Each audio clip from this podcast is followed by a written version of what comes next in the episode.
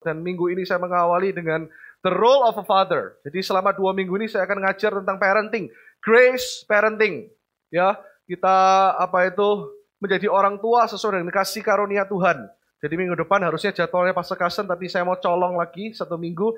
Jadi minggu ini peran ayah, dan minggu depan kalau nggak roh kudus berubah dua hari sebelumnya. Kenapa saya ngomong ini, tapi kadang-kadang saya bisa berubah satu atau dua hari sebelumnya ya.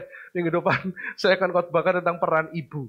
Jadi sehari ini peran ayah. Mana semua pria, bukan cuma buat ayah. Semua pria angkat tangan. Pria single, pria merit, tunjukkan dirimu. Angkat tangan ya. Dan katakan, aku luar biasa. Nah, kita lihat bagaimana pentingnya pembapaan. Karena hari-hari ini, ya kemarin di Bandung beberapa tanya, mereka cukup shock karena hari-hari ini orang itu bunuh diri gampang sekali. ya Depresi, bunuh diri, beberapa bulan lalu orang lompat dari lantai berapa di Galaxy Mall? Cuman karena muter-muter bingung tiba-tiba lompat begitu saja. Saya percaya itu tidak begitu saja. Uh, terus ada orang yang bunuh diri katanya uh, ini dan itu berita simpang siur. Tapi intinya gini hari-hari ini banyak orang depresi. Dan Tuhan sudah ngomong hal ini. Saya nggak siapkan ayatnya tapi anda mesti tahu betapa pentingnya pembapaan. Saya pernah buka ayat ini tapi saya buka lagi sekali lagi Maliaki 4 ayat 6 ayat tambahannya berkata seperti ini Ya, Maliaki 4 ayat 6. Oke, ini ayat tambahan tidak ada di PowerPoint. Tadi saya minta di belakang untuk disiapkan. Alright, that's great. Wait, oke. Ini artinya malaikat kasih terus ambil lagi sebentar, gitu ya ayatnya. Tepuk tangan dong buat multimedia supaya mereka nggak tegang. Maliaki 4 ayat 6. Oke, maka ia akan membuat hati bapak-bapak berbalik kepada anak-anaknya dan hati anak-anak kepada bapak-bapaknya. Jadi Tuhan ngomong ini kepada bapak-bapak terlebih dahulu. Ia akan membuat hati bapak-bapak. Ia ini yang disebut adalah Nabi Elia, tapi bukan Elia yang sudah mati. Ini ngomong soal Yohanes Pembaptis, juga menubuatkan tentang kita, New Life Church, gereja Tuhan. Bahwa pelayanan kita itu harus fokus kepada Kristus yang membuat hati bapak-bapak di dunia ini berbalik kepada anak-anaknya. Dan hati anak-anak kepada bapak-bapaknya. Jadi harus dari bapaknya dulu. Kalau kita orang tua, jangan uh, ngerasa juga saya menggurui. Di khotbah ini saya, saya sama sekali nggak merasa lebih pintar dari setiap bapak yang ada di tempat ini. Bahkan yang anak-anak yang sudah besar, pengalaman Anda jauh lebih dari saya. Tapi kita mau sama-sama belajar tentang firman Tuhan. Setuju? Karena sampai kapan pun, kalau kita ini bapak atau suami, kita nggak akan pernah lulus jadi suami. Yang suami-suami katakan, jadi kalau Anda suami lulus itu kan bahaya malah ya. ya saya jadi suaminya ini, nanti 10 tahun lagi lulus. Jadi maksudnya apa? Ganti istri, kan gitu ya.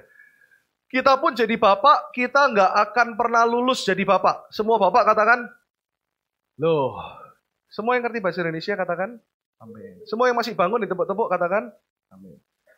Makanya kenapa bapak dulu harus kembali kepada anak-anaknya. Baru anak-anak kembali kepada bapaknya. Saya pernah jelaskan ayat ini, ini ekspresi hati Tuhan. Supaya aku dat jangan datang memukul bumi hingga musnah. Ini berarti bukan Tuhan mau menghukum bumi.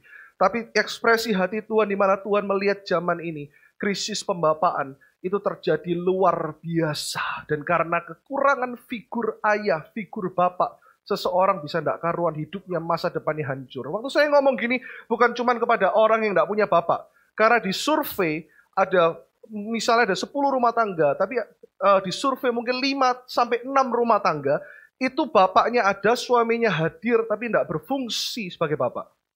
Ini parahnya. Makanya kenapa ketika kita bilang, kalau bapak itu menafkahi, salah. Bapak bukan hanya menafkahi, tapi seorang bapak mesti kenal nilai-nilai dan janji Tuhan dan role-nya kita, the role of a father hari ini. Apa itu peran bapak? Peran Bapak itu penting, makanya kenapa Tuhan nggak jadi memukul bumi hingga musnah, karena perjanjian baru Tuhan sendiri yang datang, dan Tuhan sendiri telah membuat hati orang-orang berbalik dulu kepada Bapak di sorga. Jadi Bapak telah memberi contoh terlebih dahulu kepada kita. Nah, kemarin tim pengembalaan bantu saya survei, ya, tapi ada satu dua full timer yang hari ini izin karena mereka ada acara di luar kota, tapi mungkin mereka nonton di live streaming. Thank you Vesta dan tim udah membantu saya untuk survei ini ya. Jangan bosan-bosan tepuk tangan buat mereka. I love you di mana pun kalian berada, Vesta dan Yosef.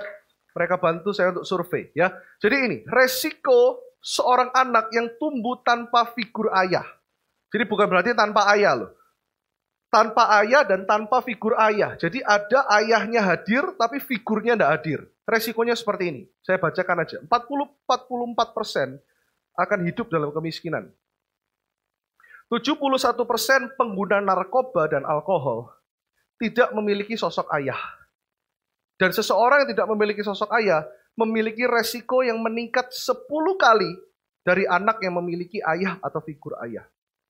80% mengalami gangguan mental dan emosi yang tidak stabil.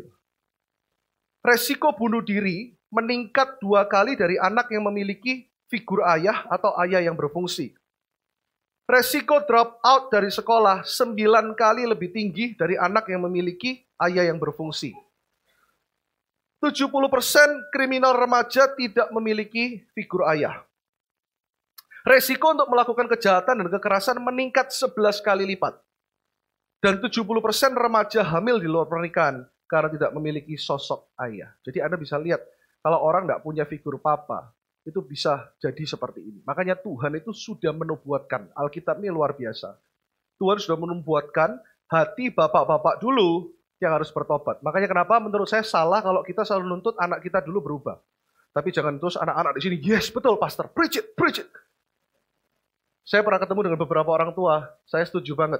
ya Saya pernah dikasih tahu, pastor, sekali-sekali juga khotbah peran anak ke orang tua. Tenang, bulan ini akan dibahas. Ya Pak Daud, ya thank you.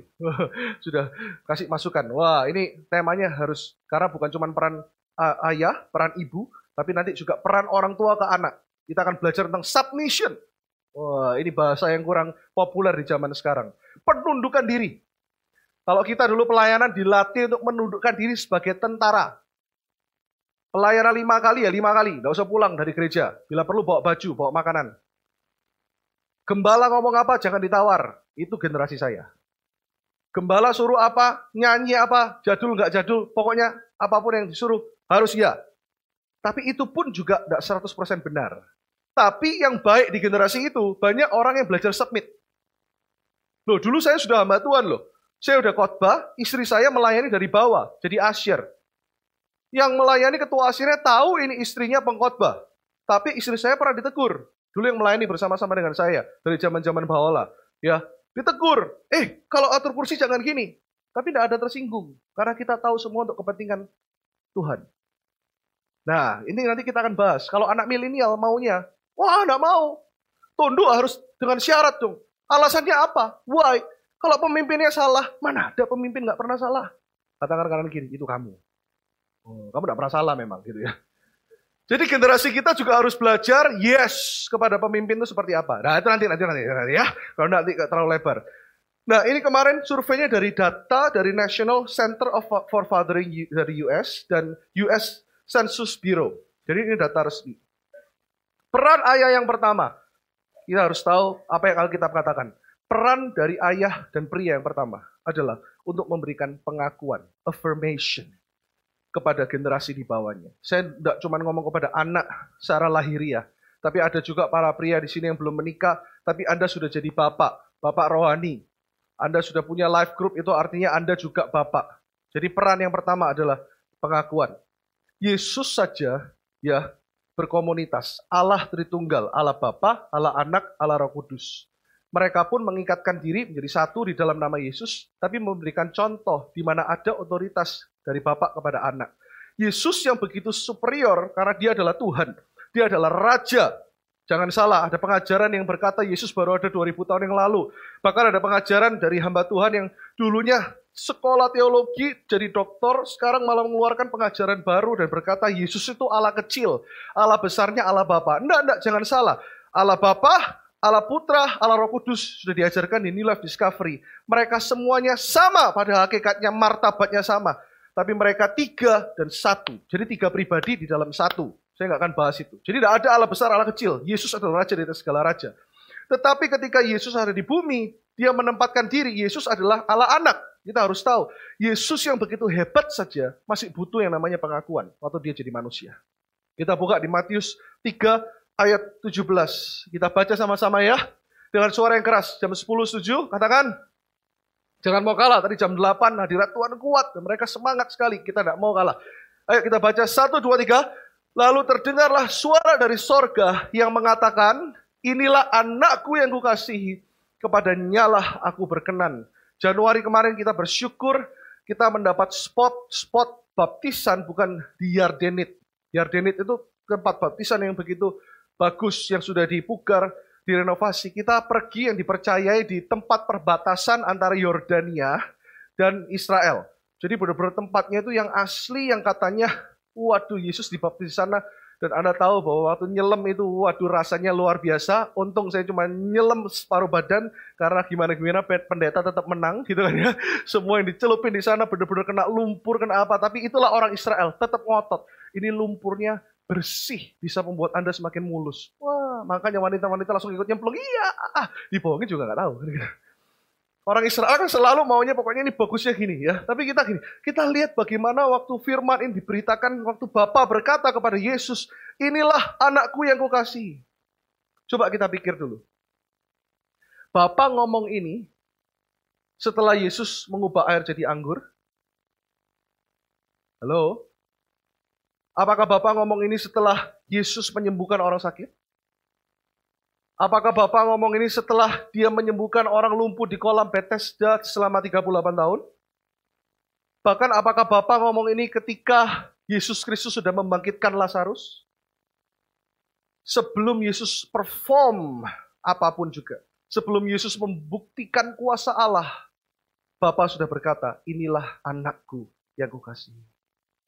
Makanya kenapa mari kita belajar tahun ini, the year of greater harvest kita belajar untuk kita mendengar kasih karunia Tuhan dan kita percaya bahwa kita nggak harus perform dulu. Banyak orang Kristen yang harus perform. Ya kalau kamu rajin mengembalikan persepuluhan, Tuhan baru sayang kamu. Kamu harus kudus dulu. Kamu harus ini dulu. Tapi bahkan saya mau katakan kepada Anda, sekalipun ada jatuh, Bapak tetap berkata, inilah anakku yang kukasih. That's Christianity. Karena itu tidak bisa dibayar dengan perpuluhanmu, tidak bisa dibayar dengan persembahanmu, tidak bisa dibayar dengan pelayananmu, maaf. Paulus orang sekali berapa ketika dia menjadi Paulus sebelumnya Saulus. Dia telah melakukan banyak kebaikan, yet juga kejahatan. Tetapi bahkan ketika dia waktu ketemu Kristus, the hope of glory, dia berkata, semua kebaikanku itu seperti sampah. Jadi harusnya kebaikan kita ini tidak ada artinya tanpa Kristus. Katakan kanan kiri sekali lagi, without Christ, it's all nothing. Nah, apakah firman ini ketika Bapak ngomong kepada Yesus hanya kepada Yesus saja?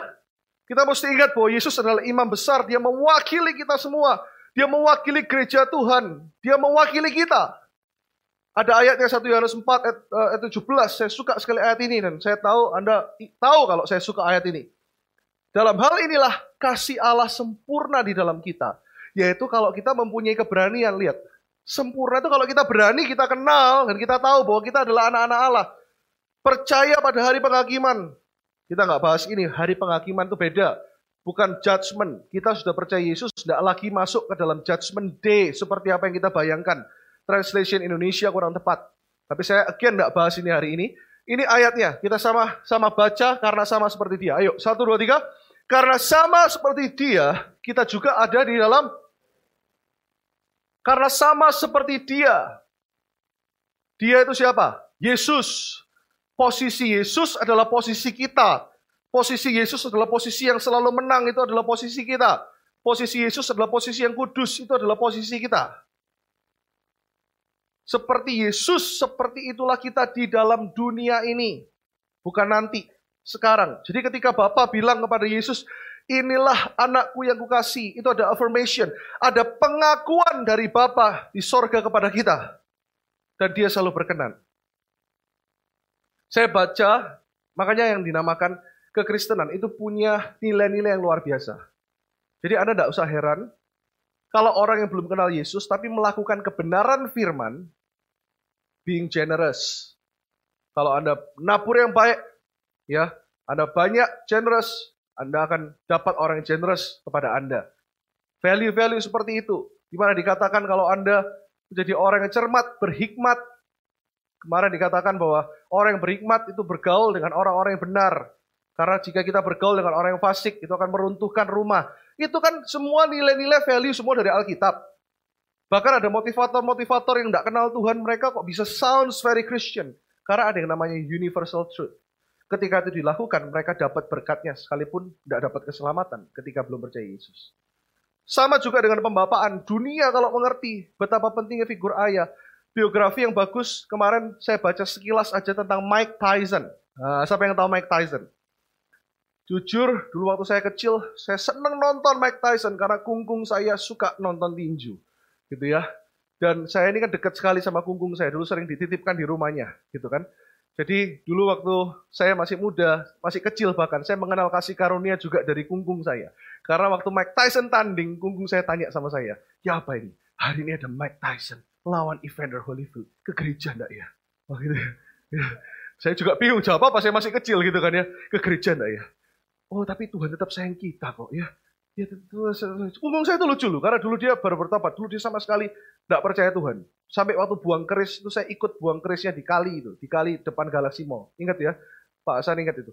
Waktu saya bareng-bareng gitu, kerisnya kebetulan seperti burung Raja Wali, tapi Raja Wali belum bertobat, kan itu kan ya. Jadi kungkung saya itu, wah cinta Tuhan bener-bener, tapi Evander Holyfield ini live loh. Ya apa ya? Terus lihat warta gereja. Waktu itu kan masih ada warta. Zaman sekarang warta udah nggak laku. Kalau kita bikin warta dibikin bungkus kok bungkus uh, kacang gitu kan ya. Jadi lihat warta. Oh ada kebaktian jam 4 sore. Yus kita kebaktian jam 4 aja. Enggak apa-apa. Iya pokoknya kebaktian. Iya toh? Kasih karunia Tuhan. Mike Tyson. Begitu hebat. Ada yang beberapa tanya, Pastor, kalau Mike Tyson sama Ipman menang mana? Bingung juga ya. Karena pernah tanding draw ya. Iya toh? Pernah toh tanding tuh? Di Iman yang keberapa itu? Ketiga. Oh, Felicia langsung, yes, karena waktu Iman empat keluar, saya bilang kepada semua leaders, kalau kamu diurapi Tuhan, kamu harus lihat Iman. Jadi dia nonton seharian Iman satu sampai tiga dulu, baru nonton yang keempat. Anu, buah, buah, buah. Saya juga bingung, karena dulu saya pernah belajar wusu waktu kecil, tapi saya bosan. Karena wusu itu kan gini, gini gitu kan ya. Jadi saya mikir kalau Iman, ya papa saya dulu, papa mertua saya jago kungfu, kira-kira menang mana? Ya kalau kita pasti ngomong menang Iman, ya toh. Karena Iman bolo dewe kan gitu ya. Tapi saya juga nggak tahu loh, kalau wah pukul-pukulan gini, karena Iman bisa malik gini gitu gitu ngerti ya alat vital di mana. Tapi bayangkan kalau Iman kena pukulannya Mike Tyson sekali aja dua, ya nggak tahu ya. Kalau Imannya udah bertobat terima Yesus ya mungkin ya pasti dia yang dia menang. Cuman intinya Anda tahu Mike Tyson ini orang yang berpengaruh sehingga pukulannya aja terkenal. Tahu nggak Mike Tyson dulu tinggal di Bronx, itu dekat New York ya.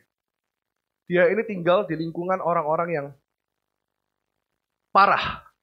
Dia bahkan mungkin tidak tahu, saya tidak tahu dia.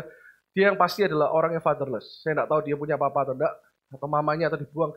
Yang ceritanya pokoknya dia ini mengenal tentang narkoba, jadi drug dealer dari sejak dia sangat muda. Hidupnya hancur-hancuran, beringas, semuanya pakai kekerasan. Tapi tahu nggak, di setiap orang ada potensi Allah yang luar biasa. Orang mungkin lihat waktu itu, apa ini? Mike Tyson, jago gepuan tok.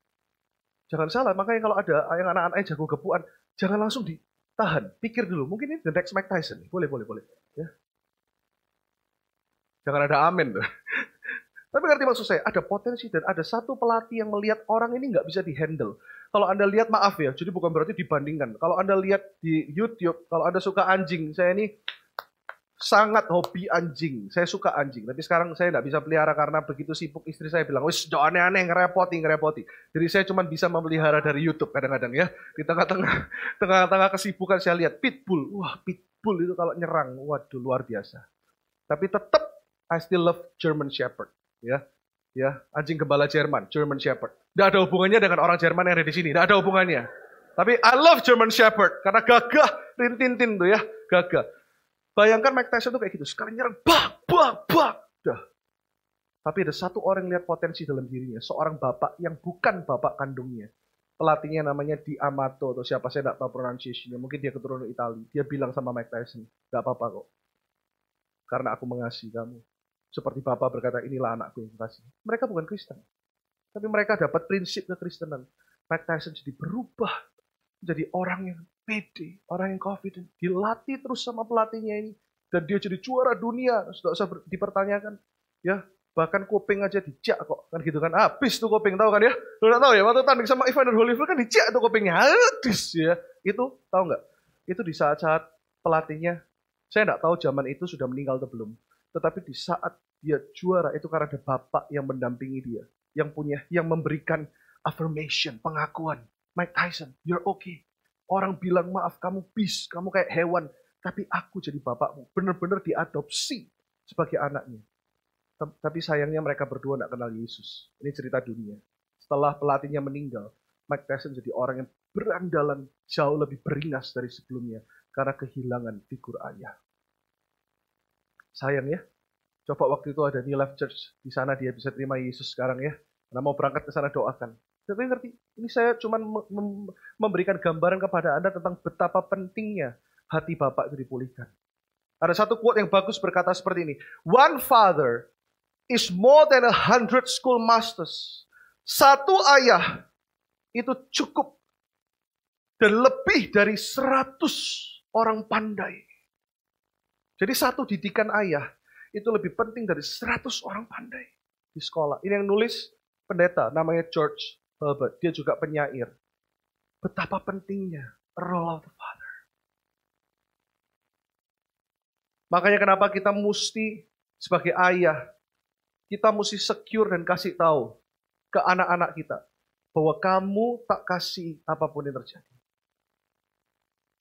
Saya masih ingat sih, adik saya nomor dua itu pernah gitu ya, nyetir mobil malam-malam, nabrakin mobil itu bener-bener nabrak. Jadi bayangin nabrak itu ada yang cuma nabrak dan bener-bener nabrak. Tahu ya? Kalau bener-bener nabrak itu berarti bener-bener nabrak, ya itu perlindungan Tuhan. Warung dipapras semua, bruak, Untung orang-orangnya diangkat sama malaikat, wah, jadi nggak ada yang ketabrak, gitu kan ya. Sampai mobil tuh ringsepnya udah bener-bener ringsep. Saya cuma lihat reaksi papa saya. Papa saya cuma bilang ini, kamu udah lecet. Kamu udah apa-apa.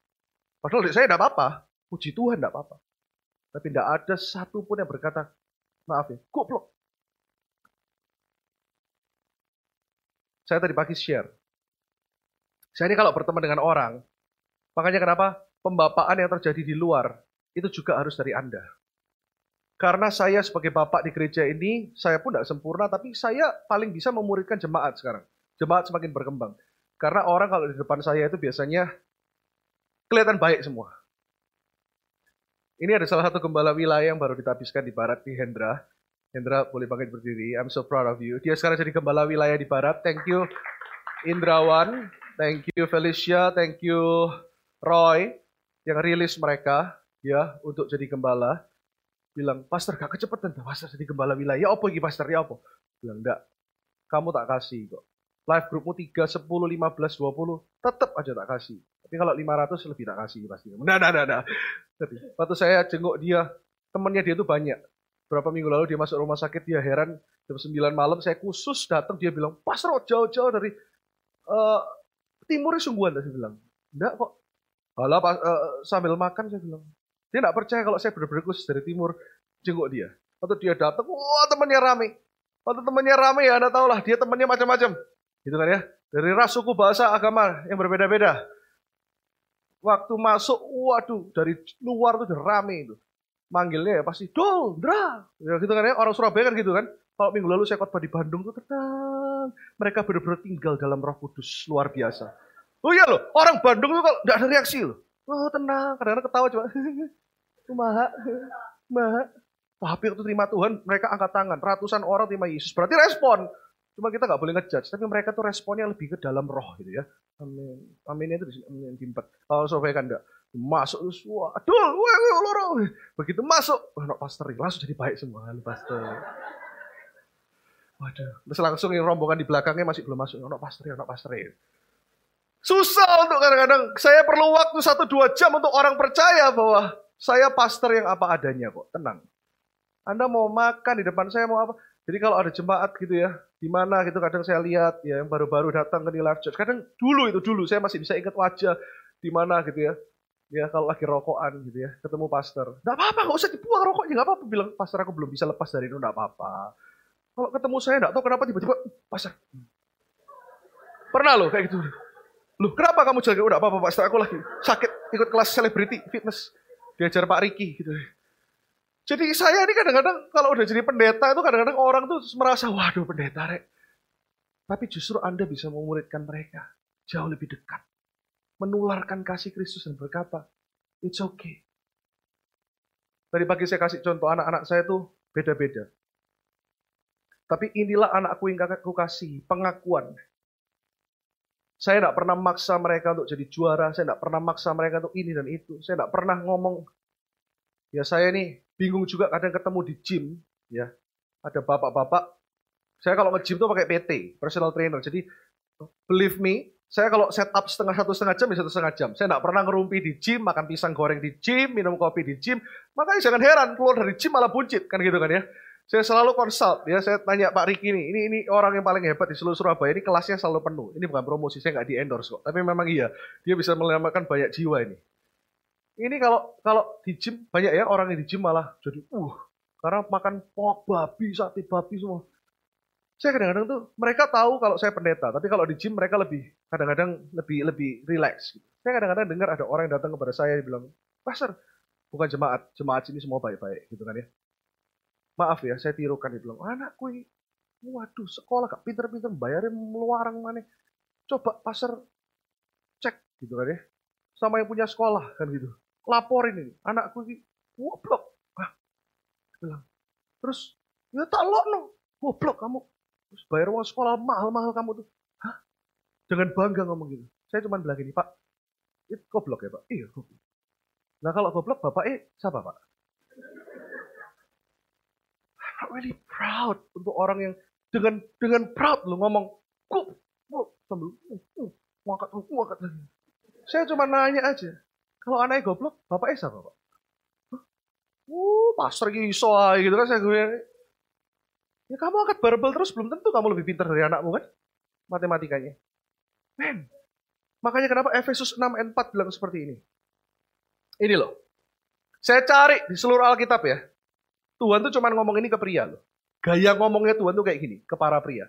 Dan kamu, wih, kamu, bapak-bapak, janganlah bangkitkan amarah di dalam hati anak-anakmu. Berarti yang bisa bangkitkan. Seseorang yang punya potensi untuk menyakiti, membangkitkan, membuat hati anaknya keras, membuat hati anaknya itu nggak mau bertobat. Itu bapak punya potensi jauh lebih daripada ibu. Trust me. Survei membuktikan kok. Papa saya itu papa yang lemah lembut. Tidak pernah pukul anaknya. Mama saya malah pernah pukul anaknya. Sungguhan, karena saya ini kan lima bersaudara. Dulu yang keluar kebetulan yang berojol, tiga ninja dulu. Makanya kalau saya ingat ada dua murid saya di sini juga, Robi dan Ratna. Dia punya anak tiga toh. Berarti plus dua cewek lagi, kayak saya. Lima ya. Saya kalau lihat anaknya di Nilaf Kids tiga, tiga, tiga cowok tanding sama anak-anak anaknya Cia-Cia ini. Tiga cewek. Ya, saya kenal mereka karena mereka ini uh, live grupnya kompak luar biasa. Kemarin diceritain, kalau di Semarang Pastor, tiga cowok versus tiga cewek. Pecah apartemen, pecah, pecah. Mereka kemarin kuliner ke Semarang. Saya dulu ya kayak gitu. Jadi kalau nggak mau makan, papa mama saya kan dulu sibuk jaga toko dan sebagainya. Saya pernah nggak mau makan tuh, nggak mau. Dulu saya tuh kurus banget, nggak mau makan. Ayo, ah, ah, repot, nggak mau makan. Tapuk loh ya. Tapukan. Saya dulu gitu loh. Tapukan, enggak apa-apa. Pak.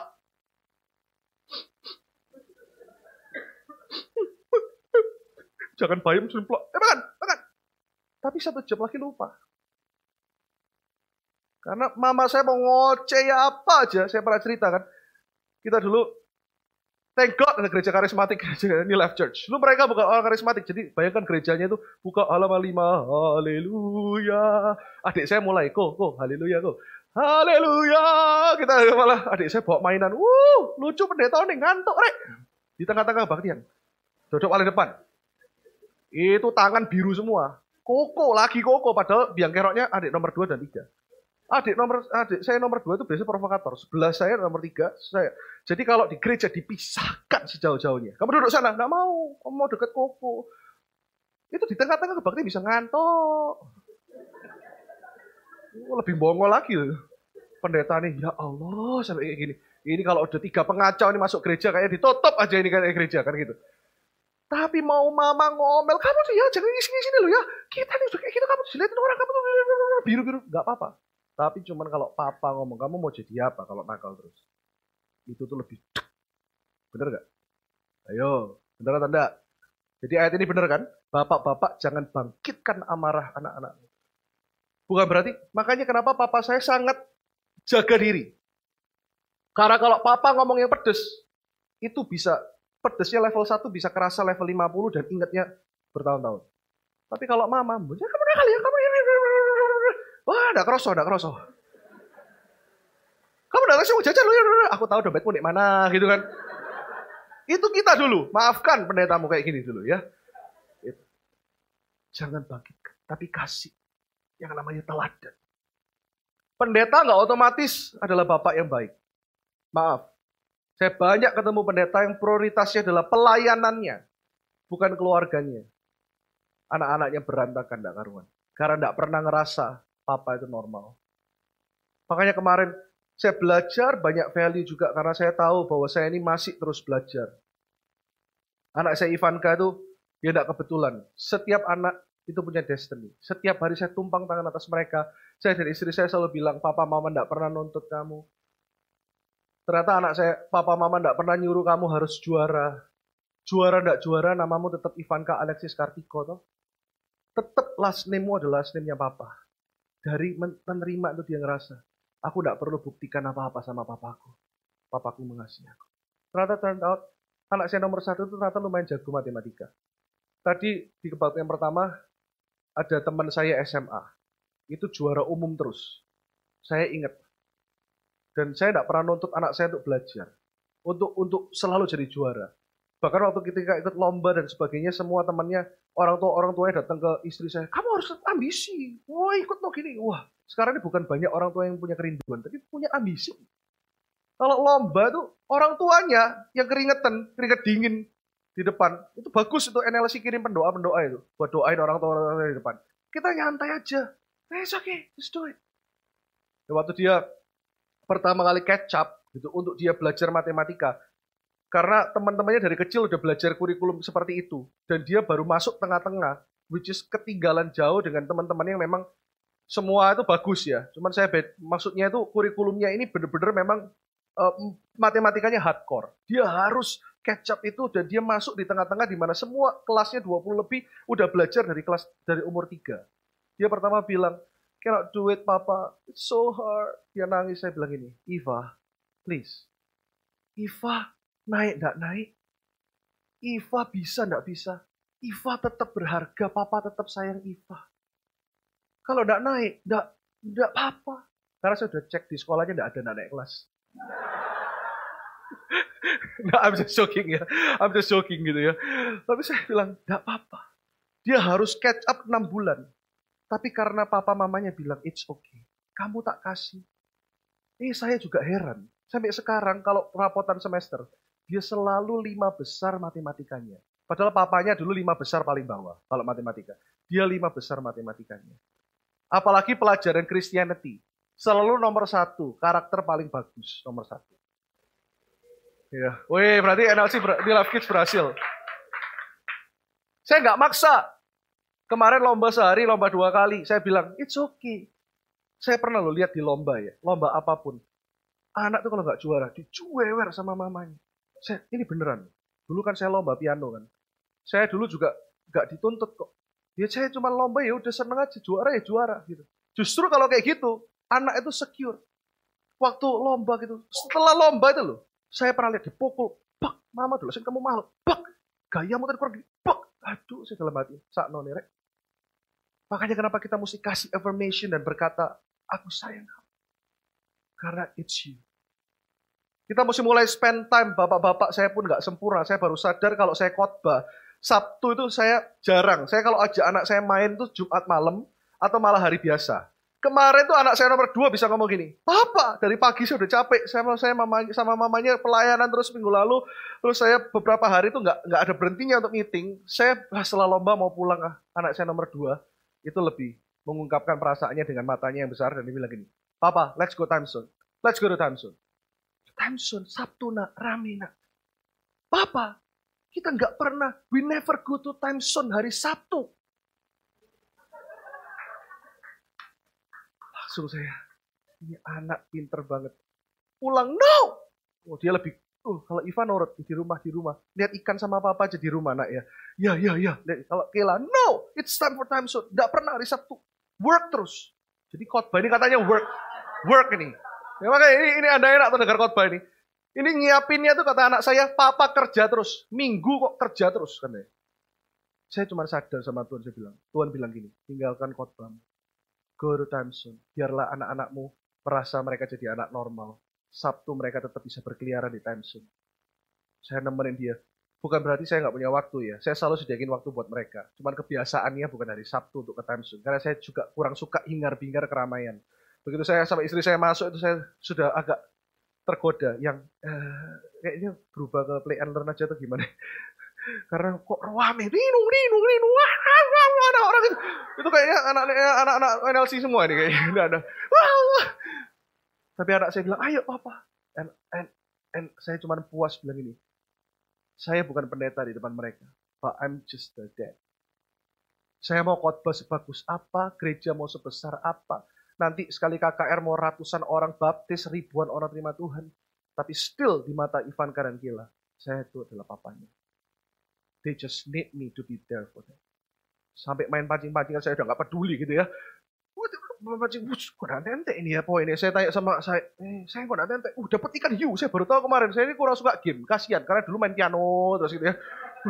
Sampai saya gini-gini, Wih, saya udah gak peduli. Siapa ya orang, halo pastor, halo, wis, halo, wis, saya kalau wajah kan kenal, ini kayak bukan nasi halo. Terus ada lagi yang lewat bilang gini, weh pastor ini seneng re. Ternyata ada atau teman lama, weh weh, pancing pancingan. Saya cuman mau kasih tahu anak saya, kamu paling tak sayang. Kita bisa jadi sukses kayak apa aja. Tapi kalau kita nggak punya relationship yang dekat dengan anak kita, semua itu sia-sia. Amin. Nah, sekarang kita masuk di poin-poin yang terakhir. Jangan pakai khotbah ini senjata. Ada anak-anak yang gini, nah betul loh pastor bilang tuh, karena aku nggak dapat pengakuan. Nah betul loh, aku broken home. Nah ini tuh, jangan bikin khotbah ini jadi alasan. Karena saya akan kasih dua contoh orang, yang satu Daud. Daud tidak pernah dapat figur ayah walaupun ayahnya ada. Itu lebih menyakitkan. Lebih menyakitkan punya ayah, tapi ayahnya tidak jadi figur yang benar. Daripada tidak punya ayah. Tahu tidak papanya Daud namanya siapa? Ingat Jesse, Isai. Isai punya berapa? Tujuh anak. Ya. Dan semua kakak-kakaknya diingat waktu Samuel nanya, eh, mana aku disuruh Tuhan untuk mengurapi anakmu jadi raja. Dipanggil semua. Elia, apa, uh, Shanab, Abinadab, semua pokoknya dipanggil semua nama anak-anaknya. Saya lupa karena ada tujuh. Tapi yang Daud dilupakan sama sekali. Wah itu Daud figur papanya luka. Bahkan dia tulis di Mazmur, dia bilang gini, sekalipun ayahku dan ibuku, dua-duanya ternyata, tidak mengindahkan aku. Tapi bapakku yang di sorga, sayang sama aku. Daud ini parah loh, figur, figur ayah rusak, figur ibu juga rusak. Tapi apakah hidupnya rusak? Hidup rusak, itu adalah pilihan. Kita nggak boleh nyalakan keadaan. Dua minggu lalu, Pastor Stefanus Suaro khotbah di tempat ini, saya, saya kan ngomong sama Anda, siapakah dia? Sampai hari ini dia tidak pernah tahu siapa orang tua kandungnya dari umur 4 tahun dia dibuang. Tapi dia memilih untuk kenal Kristus.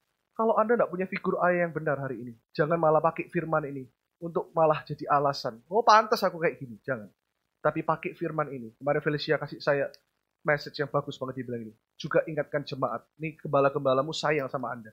Ingatkan bahwa kalau Anda punya figur ayah yang rusak, justru Anda harus berkata, dalam nama Yesus, stop sampai di sini. Aku harus jadi generasi yang lebih baik buat generasi di bawahku. Daud, siapa? Kalau orang yang tidak punya figur ayah, apalagi ada beberapa orang yang mungkin single parent, Anda jangan ngerasa, duh ya apa. Tuhan tuh bisa kirimkan ayah-ayah rohani. That's why it is important untuk Anda attach di gereja. Bukan cuma Anda datang, tapi Anda benar-benar kenal salah satu gembala di tempat ini. Gembala-gembala life group. Siapa yang membapai Daud? Halo? Samuel. Dia memanggil Samuel ayahku. Dia tidak punya ayah dan ibu yang perhatikan dia. Dia punya Samuel. Anda punya Samuel. Samuel di sebelah kanan kiri. Yang care sama Anda. Saya kasih study case lagi yang kedua. Ada nggak yang bahkan nggak punya figur sama sekali? Ada. Siapa? Yusuf. Yusuf, kalau Daud papanya ekstrim, membuang dia sama sekali nggak mau kenal dia. Kalau Yusuf, papanya malah cuman senternya dia, sehingga sebelas kakaknya benci sama Yusuf, dia dididik secara salah. Dan selama 13 tahun, dia tidak punya papa rohani, dia tidak punya ibu rohani, dia tidak punya papa kandung, dia tidak punya mama kandung, dia tinggal di penjara selama belasan tahun. Jadi kalau nggak ada figur sama sekali, tetap nggak orang itu bisa dipakai Tuhan? Bisa, karena ada kasih Bapa yang di sorga. Kita lihat klip sedikit bagaimana ketika Yusuf diproses. Ketika dia di penjara, dia diremukkan, emosinya diremukkan, dia ada di titik yang paling bawah. Dia bisa berkata, ternyata Bapakku tahu.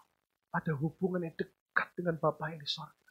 Sehingga keadaannya tidak menjadi alasan untuk dia menyerah.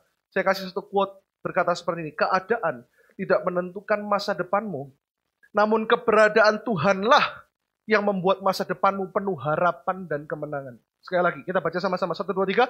Keadaan tidak menentukan masa depanmu. Katakan kanan kiri masa depanmu. Namun keberadaan Tuhanlah yang membuat masa depanmu penuh harapan dan kemenangan. Keberadaan Tuhan di hidup Yusuf. Yang membuat hidupnya berubah secara signifikan. Tepuk tangan sekali lagi yang meriah buat Tuhan Yesus. Ini kisah nyata kalau Anda bisa lihat filmnya Joseph. Anda akan lihat justru di dalam penjara. Mungkin Anda mengalami penjara. Tapi justru di dalam penjara, hati bapaknya dipulihkan karena dia berkata kepada bapak di sorga, Tuhan, aku akan let go the need to know why. Aku tidak mau tahu apa reasonnya. Tapi justru dalam penjara, lihat, karunia mimpi, karunia bernubuat, penglihatan, karunia hikmat keluar semua di saat Yusuf di penjara. Dan dia pupuk itu. Dan Anda lihat waktu dia lari dengan jubah, ketika dia diberkati Tuhan, dia nggak lagi bilang, karena aku kuat. Tapi karena dia berkata, karena Bapa mengasihi aku dan berkenan atas itu. Ujian tidak selalu berkata bahwa Anda salah. Jangan selalu berkata, apa salahku, apa salahku. Tapi justru dalam ujian, ada talenta-talenta karunia yang selama ini Anda tidak tahu. Keluar dan tahu enggak, orang yang enggak punya figur ayah, orang yang enggak punya figur ibu, orang yang bahkan enggak punya bapak rohani sama sekali, dia cuma connect kepada bapak yang di sorga. Bapak di sorga kasih nama Yusuf itu siapa? Joseph. Namanya adalah Safnat Pa'anea. Safnat Pa'anea artinya the savior of the world. Orang yang enggak punya figur ayah dan ibu kayak gini malah jadi savior of the world. Kok bisa? Karena ada Tuhan. Seluruh bumi waktu itu minta harapan kepada Yusuf. Karena hanya dia bisa menguasai perekonomian dunia. Yang terakhir yang kedua. Fungsi ayah yang kedua. Hanya dua poin saja ini. Yang pertama tadi affirmation, ada pengakuan. Yang kedua, acceptance. Penerimaan dan perkenanan. Kita baca ayat yang terakhir, 317b berkata seperti ini. Inilah anakku yang kukasih, kepadanya lah aku berkenan. Bukan hanya dikasih, tapi ada affirmation. Seorang ayah punya otoritas untuk berkata, nak, aku tahu kamu akan jadi berhasil. Kemarin waktu saya doakan beberapa tempat di Bandung, ada ada ada rekan saya juga yang buka tempat baru. Ada temannya yang bilang gini, kadang ya orang Kristen ini kok kalah profetik sama yang tidak Kristen. Maksudnya apa? Saya tanya. Itu loh pastor, saya doain orang ya, dia menginjil orang-orang di daerah-daerah yang belum kenal belum kenal Tuhan. Kalau orang Kristen doain ya cuman iya, tapi orang-orang itu sama sekali nggak Kristen. Ini saya live streaming nggak bisa sebutkan agama lain, tapi bisa datang berkata, Pak, perkatakan sesuatu atas tanah saya ini Pak. Saya tahu Tuhan Yesus akan memberkati. Waktu diperkatakan Tuhan Yesus, dia ikut Tuhan Yesus. Kok mereka lebih profetik? Karena firman Tuhan berkata, firman Tuhan jangan cuma direnungkan. Joshua, Tuhan berkata kepada Joshua, aku akan memberkati engkau, aku akan memberikan tanah ini kepadamu. Dan Joshua meditate, bahasa Indonesia kurang jelas. Joshua merenungkan Taurat Tuhan siang dan malam. Bahasa aslinya, Joshua memperkatakan. Perkatakan sesuatu kepada masa depan anakmu. Perkatakan apa yang Anda mau lihat. Kalau anakmu hari ini nakal, jangan katakan kamu nakal. Kamu bodoh, tapi katakan kamu akan jadi orang yang diurapi Tuhan. Kamu baik. Kamu berguna. Kamu diberkati. Amin. Yang kedua ada penerimaan. Manusia mencari pembuktian diri, namun Tuhan telah membuktikan dirinya bahwa dia mengasihi Anda dengan kasihnya yang sempurna. Jadi Anda tidak perlu buktikan apa-apa sama Tuhan. Tidak perlu buktikan apa-apa. Ketika Tuhan berkata kepada Bapak berkata kepada Tuhan Yesus, kamu anak yang kukasih kepada mula aku berkenan. Tahu nggak? Setelah itu ada Matius 4. Saya akan cuma ceritakan. Setelah itu Yesus dicobai di marketplace. Banyak orang depresi, banyak orang bunuh diri karena pembuktian diri. Karena tidak bisa buktikan. Banyak hamba Tuhan pakai pelayanan untuk supaya pembuktian diri. Aku mau buktikan aku bisa khotbah. Aku mau buktikan aku hebat. Aku mau buktikan. Saya setiap kali saya lelah melayani Tuhan, pendeta bisa lelah. Tuhan cuma ngomong gini, kamu mau khotbah apa aja. Kamu mau sukses, tidak sukses khotbahnya. Aku tetap mengasihi kamu dan berkenan sama kamu. itu cukup buat saya. Tuhan Yesus dikatakan, aku berkenan. Tahu nggak? Waktu Yesus jadi manusia, cobaannya apa? Iblis berkata, kalau kamu memang orang hebat, kalau kamu anak Allah, ubah batu ini jadi roti. Tuhan Yesus gak terus buktikan. Lu lihat ya, batu ini bukan cuma jadi roti, jadi roti matahari pakai mentega khusus. No. Jadi ingat ya, kita nih anak-anak tahun berapa? Wow, roti matahari, milenial gak tahu. Tapi Tuhan cuma ngomong apa? Iblis nyala kamu. Karena manusia nggak hidup dari roti saja. Yesus nggak perlu buktikan apa-apa kalau dia hebat. Karena dia tahu dia hebat. Terus tahu nggak? Iblis kurang ajar. Mengajak lagi ke hubungan bait Allah. Nih berdiri. Kalau kamu memang anak Allah. Iblis tahu dia anak Allah. Tapi emosinya dikorek-korek. Ayo buktikan. Jatuhkan dirimu. Bapakmu akan kirimkan malaikat supaya kakimu nggak teruntuk oleh batu. Tuhan cuma bilang ini. Aku nggak usah lakukan itu. Aku tahu I'm the son of God. Pergi kamu. Eh dibawa lagi ke paling tinggi karena waktu itu iblis masih punya otoritas kan sebelum Yesus mati kan. Ini semua loh, lihat tak berikan kepada kamu. Tuhan langsung bilang, nyala kamu. Kamu harus hidup memuliakan Bapamu yang di sorga. Please, hari ini yang terakhir adalah ini. Penerimaan dari Bapa membuat seseorang percaya diri dan mengenal siapa dirinya di hadapan Tuhan. Kalau kita bekerja, jangan buktikan apa-apa. Nanti kita pindah ke cewek, sekalipun banyak pujian, kita nggak perlu buktikan apa-apa. Dari awal jemaat cuma 20, Tuhan sudah sayang dan berkenan kepada New Life Church. Kalau Anda bekerja, kalau Anda punya pelayanan, Anda punya pernikahan, mari kita semua komitmen hari ini. Saya minta pemain musik sudah maju ke depan. Semuanya ini hanya untuk kemuliaan nama Tuhan. Hidup untuk Kristus. Dan segalanya adalah untuk Kristus. Bisa nggak melekat sama Bapa di sorga? Dia berkenan dan dia menerima dan dia mengakuimu sebagai anaknya yang dikasih. Tepuk tangan yang meriah buat Tuhan Yesus. Perjamuan kudus siapkan kita semua tunduk kepala. Tuhan kami bersyukur untuk hari ini. Because you know better than I. You know the way. We don't need to prove anything. We don't need to prove something to show that we are your sons and daughters. Kami nggak perlu Tuhan untuk merasa hebat karena kami tahu kami sudah hebat itu kebenarannya. Banyak orang depresi, perekonomian yang tidak menentu Tuhan, itu tidak menjadikan kami orang yang pesimis karena kami punya Bapa yang di sorga yang tahu siapa kami. Dan saat ini hamba berdoa untuk perjamuan kudus ini Tuhan. Di hari Minggu ini Tuhan, urapi setiap yang melayani bahkan kami sudah diurapi dan perjamuan ini sungguh-sungguh membawa gambar diri kami pulih bahwa kami dikenan, diakui, diterima oleh Bapa di sorga.